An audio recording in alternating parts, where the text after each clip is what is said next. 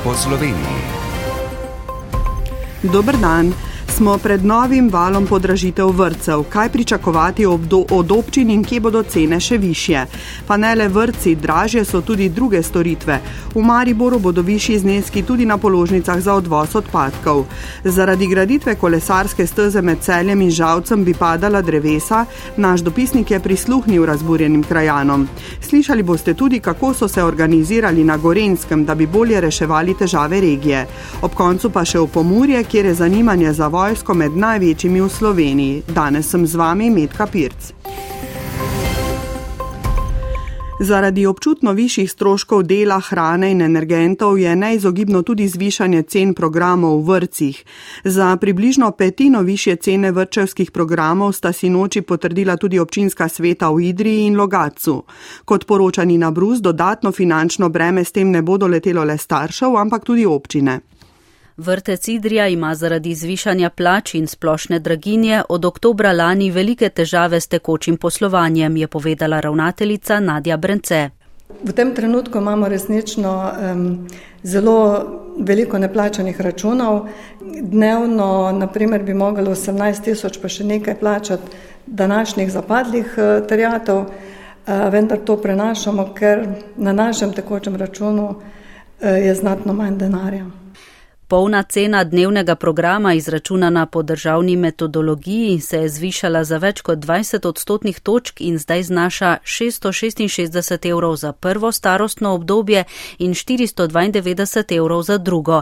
Največ družin je uvrščenih v peti dohodkovni razred in bodo po novem plačevali 42 evrov več na mesec za otroke do 3 let oziroma 24 evrov več za otroke stare od 3 do 6 let.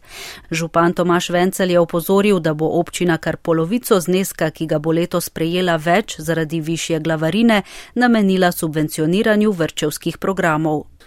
Od države bomo v letu 2024 prejeli približno 800 tisoč evrov več kot lansko leto, od tega bo kar 417 tisoč evrov šlo v pač delovanje vrtca.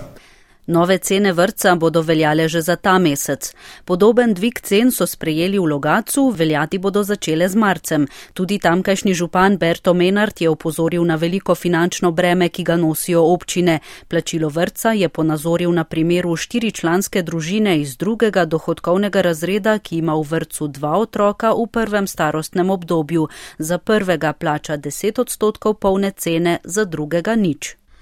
Cena vrca je 660,89 evrov, je skupna cena 1321,78 evrov, starši dajo 66 evrov, ministrstvo za šolstvo 66, občina pa 1189 evrov. Se pravi, da je veliko breme je na občini. Kot je dodal, je zvišanje cene programov vrca neizogibno. Vse občine, vsi župani smo približno na enakem, ne mogoče za kakšno mehko nijanso, pa en, dva meseca prej podraža, en pa malo kasneje. Cena je taka in mi moramo to pokriti skupnimi močmi. Bi si pa želeli, da bi država prevzela večji delež finančnega bremena, kot ga zdaj.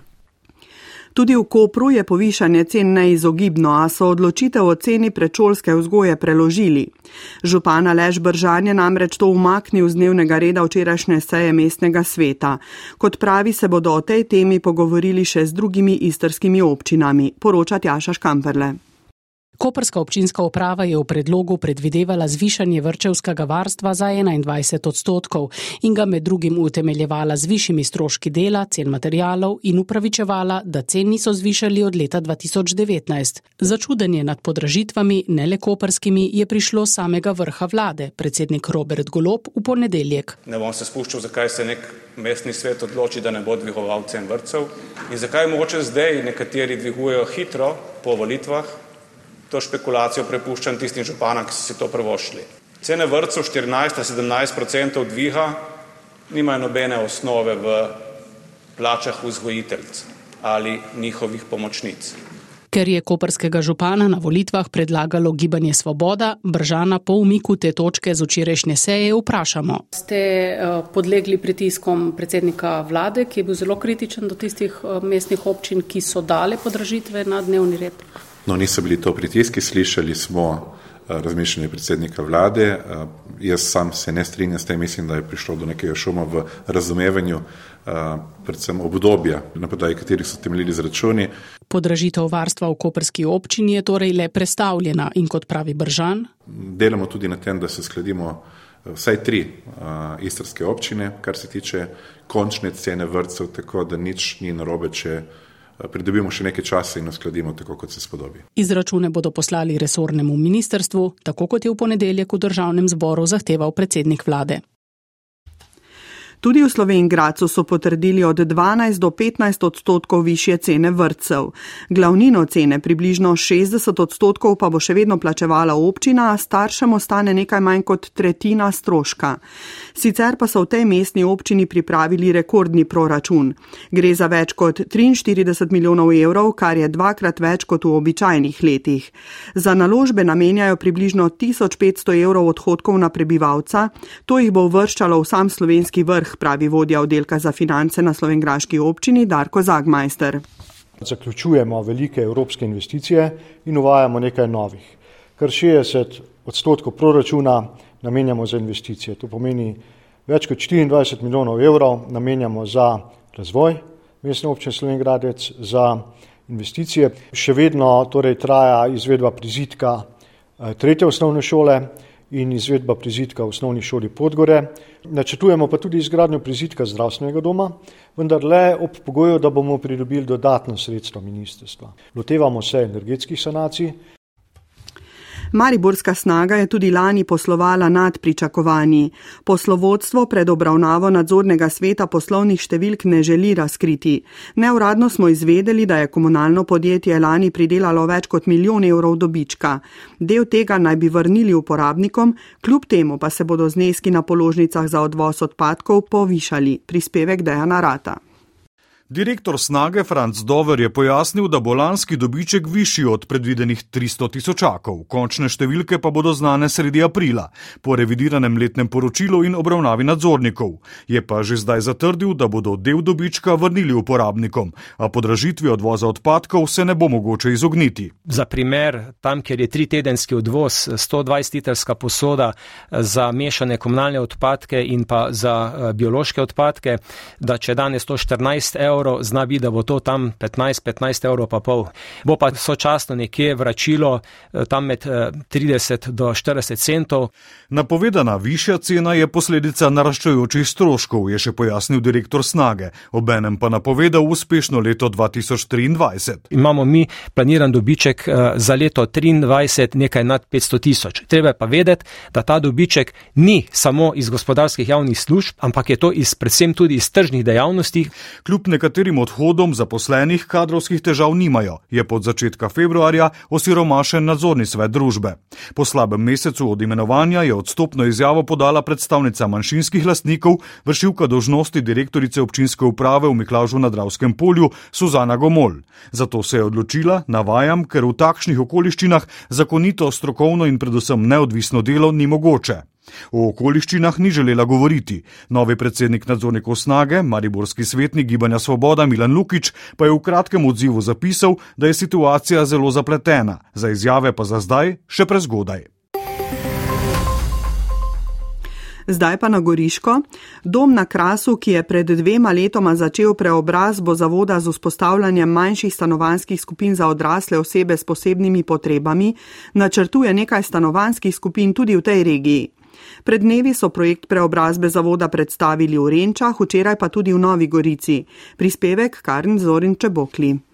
Na Goriškem načrtujejo sedem enot, je povedal koordinator investicij v domu na Krasu Goran Blaško. Dve enoti v Renčah in pet v Novi Gorici, se pravi Sovkan, Kromberg in eh, Gorica. Načeloma gre tukaj za po šest stanovalcev na bivalno enoto. Skupaj z Krasom se izseli 70 ljudi iz eh, matične hiše v Dutovljah. Domačini, ki živijo v bližini ene od predvidenih lokacij, sicer niso želeli pred mikrofon, so pa v razpravi povdarili, da se bojijo, da bi bilo življenje v njihovi ulici spremenjeno prihodom stanovalcev doma na krasu manj varno.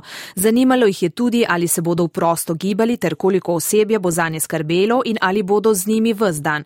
Pomisliki so predvsem plot nepoznavanja naših varovancev in našega načina dela, je dejala vršilka dolžnosti direktorice doma na krasu Nevenka Ražman. Naši stanovalci se lahko prosto gibljajo, ne pomeni, da mi v Dutuljah imamo eh, osebe, ki so pač zaprte, zdaj pa jih bomo spustili. Tako kot so svobodni tam, bojo svobodni tudi tu. Vedno so prisotni naši zaposleni, ki skrbijo za njih. Nimamo v bivanskih res težav niti z nasiljem, niti s podobnimi nekimi težavami. Ni niti namen, niti kakršnakoli nevarnost, da bomo mi pripeljali neke eh, osebe v njihovo okolje, ki jim bojo pač rušili njihov mir in da bojo pravzaprav zaradi tega oni v nevarnosti. Stanovalci bodo deležni 24-urne oskrbe, ki jo bodo nudili različni profili, tako z področja zdravstva kot sociale.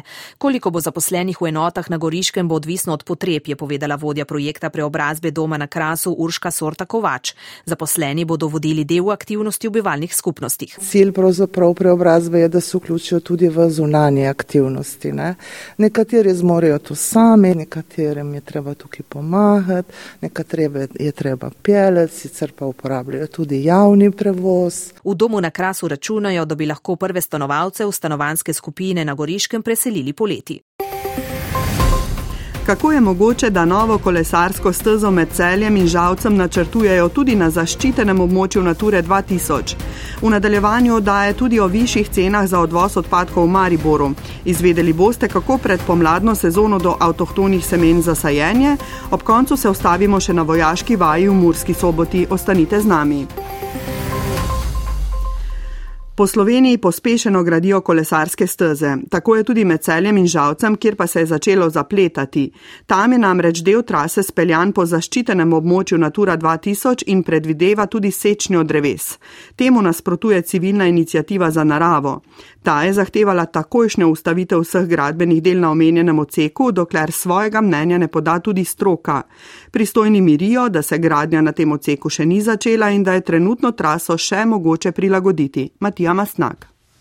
Na trasi nastajajoče kolesarske steze, ki bo povezale celje in žalec, bodo na nasipu ob Savini med Kasa zemi in Vrbjem podrli prav vsa drevesa, opozarja Nina Vodopivec z civilne inicijative za naravo. Popoln gol vsek teh dreves, to govorimo o veliki številki. Za posege na tem zavarovanem območju, kjer je priljubljena sprehajalna pot, izvajalec sicer še ni dobil okoljovarstvenega soglasja, a traso je investitor, to je Direkcija za infrastrukturo, uskladil z vsemi pristojnimi službami.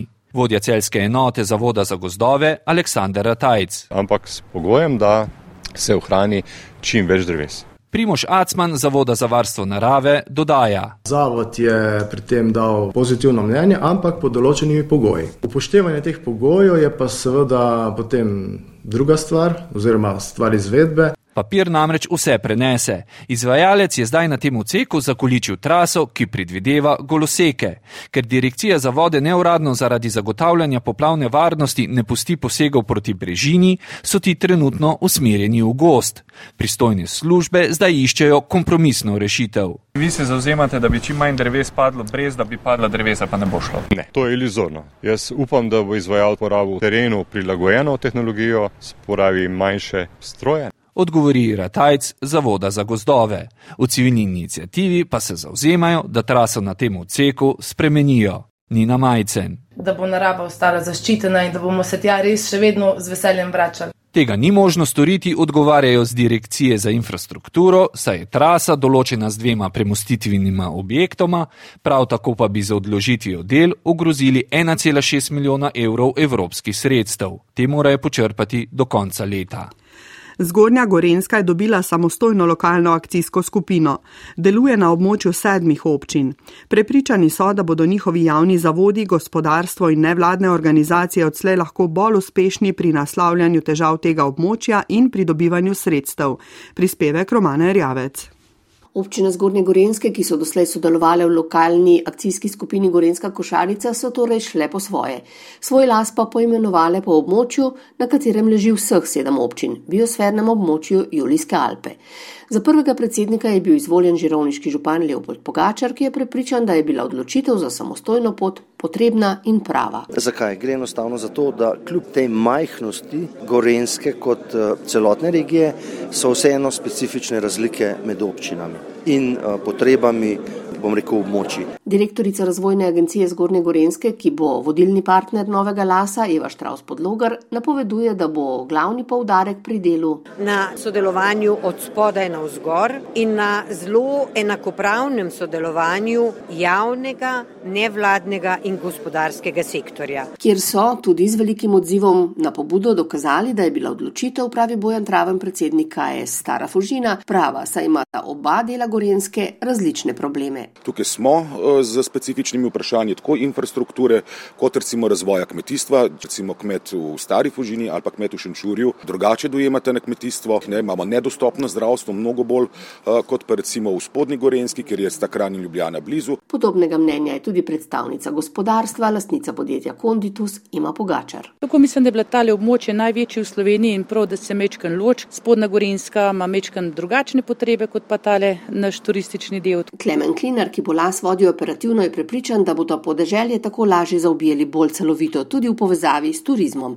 Velik poudarek pa bo potrebno pravi na tem območju seveda dati tudi okoljevarstvu. Ker vendarle živimo v zavarovanem, velik del lasa pokriva Triglovski narodni park, poleg tega imamo še veliko območij z Naturo 2000, imamo biosferno območje Julijske Alpe. Je pa prav, opozarja včeraj izvoljeni predsednik Boja Leopold Pogačar, da se vsi skupaj seveda zavedajo, da so z odcepitvijo ne na zadnje sprejeli tudi veliko odgovornost. V nekem delu smo v svoje roke, če temu tako rečemo, vzeli razvoj in izvedbo projektov, in vkolikor ne bomo uspešni, bomo težko, kot včasih to radi naredimo, s prstom pokazali na druge. Seveda pa bodo, kljub včerajšnjemu odhodu občin Zgornje Gorenske iz Gorenske košarice, vsi tam zastavljeni projekti tekli naprej. In tudi v prihodnje bo boja sodelovala tako z Gorensko košarico kot sosednjima lasoma Loškega pogorja in doline Soče. Las biosferno območje Julijske Alpe sicer ta hip šteje 72 članov, številka pa se bo, so prepričani, še povečala. Občina Postojna je pred dobrimi štirimi leti kupila Kutinovo hišo v središču mesta, kjer je na zadnje delovala banka. Dvorec, ki je bil zgrajen v drugi polovici 17. stoletja, je v dobrem stanju, obnavljali pa ga bodo postopoma. Več Sabrina Mulec.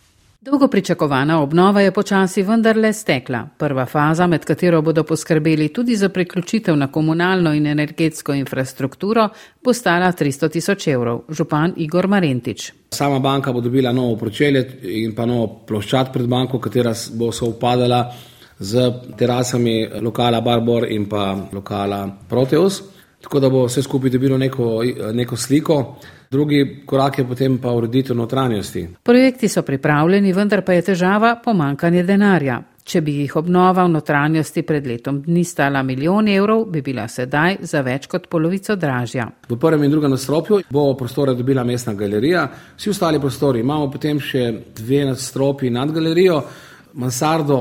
Tudi nekako razmišljamo, da bi uredili slikarske ateljeje, ki so prostori zelo, zelo v tem primerni, osvetljeni del, ki, se širi proti župnišču, pa bi namenili uporabi najmlajših, torej osnovnošolcev. Sredstva za obnovo oziroma del njih bodo skušali pridobiti prek katerega od razpisov kulturnega ministrstva. Pomlad in s tem delo na vrtu in poljih je pred vrati. Treba bo pripraviti zemljo in poskrbeti za semena. V večnamenski dvorani v Spuhli v občini Ptuj bodo zato jutri do povdne organizirali izmenjavo domačih semen. Kako več prebivalcev še spodbuditi k domači pridelavi, je preverila Gabriela Milošič. V preteklih letih se je v spodnjem podravju število vrtičkarjev povečalo, pravi Slavica Strelec iz Kmetijsko-gozdarskega zavoda Ptuj. Mislim, da še vseeno je ta domača pridelava v premalem obsegu. Se mi zdi, da bi tisti, ki imajo pa lepo zelenico, bilo fajn, da bi vsaj na to zelenico postavili kako visoko gredo in potem tudi pridelali nekaj zelenjave za sebe, s tem bi pa tudi svoje otroke učili, kako se kaj pridela in kako je pomembno, eh, da imamo doma pridelano zelenjavo, ki je veliko okusnejša in boljša ter trpežnejša od tiste, ki jo kupimo v trgovini. Iz številnih razlogov bi bilo dobro, da bi ljudje sejali in sadili domača semena. Pomembno je predvsem zato, da bi ohranjali te domače avtohtone sorte, ki so jih pridelovali naše babice, naše mame. Saj so ta semena oziroma te rastline prilagojene na našo eh, območje, no, ker potem imamo zdrav semenski material, iz katerega zrase res kvalitetni pridelki. Te sorte so bolj odporne. Semenska izmenjava omogoča, da domače semena krožijo med ljudmi. Slavica Strelec. Izmenjava poteka tako, da koliko semen prinesete s sabo, toliko jih boste lahko odnesli. Ni tako, da nimate nič semen, pa pridete, pa si naberete in potem to posejete. Pač gre res za izmenjavo. Na zadnji izmenjavi je bilo kar precej semen plodov, to so paradižniki in paprike, e, tudi solatnice, kar bi bilo nekaj. Buče so bile, fižole je bilo, tako da mislim, da bo tudi letos e, ta izmenjava kar pestra. Kdor nadzoruje semena, nadzoruje hrano, je že pred leti upozorila globalna okoljska zagovornica prehranske neodvisnosti Vandana Šiva. Zato je res pomembno, da sami ohranimo prehransko in semensko neodvisnost. Po Sloveniji. V Pomorju je zanimanje za vojsko med največjimi v Sloveniji. Že v ponedeljek tam pričakujejo 20 udeležencev prostovoljnega služenja vojaškega roka.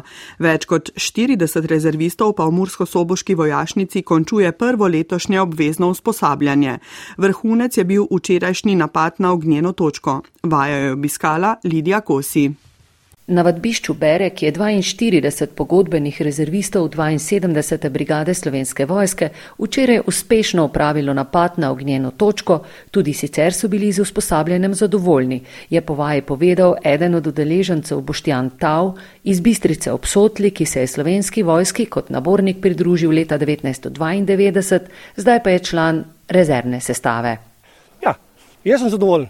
Tu smo, bom rekel, tako rekel, že kar vsaj od 15 let in več smo z njimi, večina smo tako, z nekaterimi smo, bili celo zelo misiji skupaj. Jaz sem zadovoljen. No. Tudi, bom rekel, kolektiv. Višji štabni vodnik in počastnik rodovskega bataljona Damjan Rajh dodaja.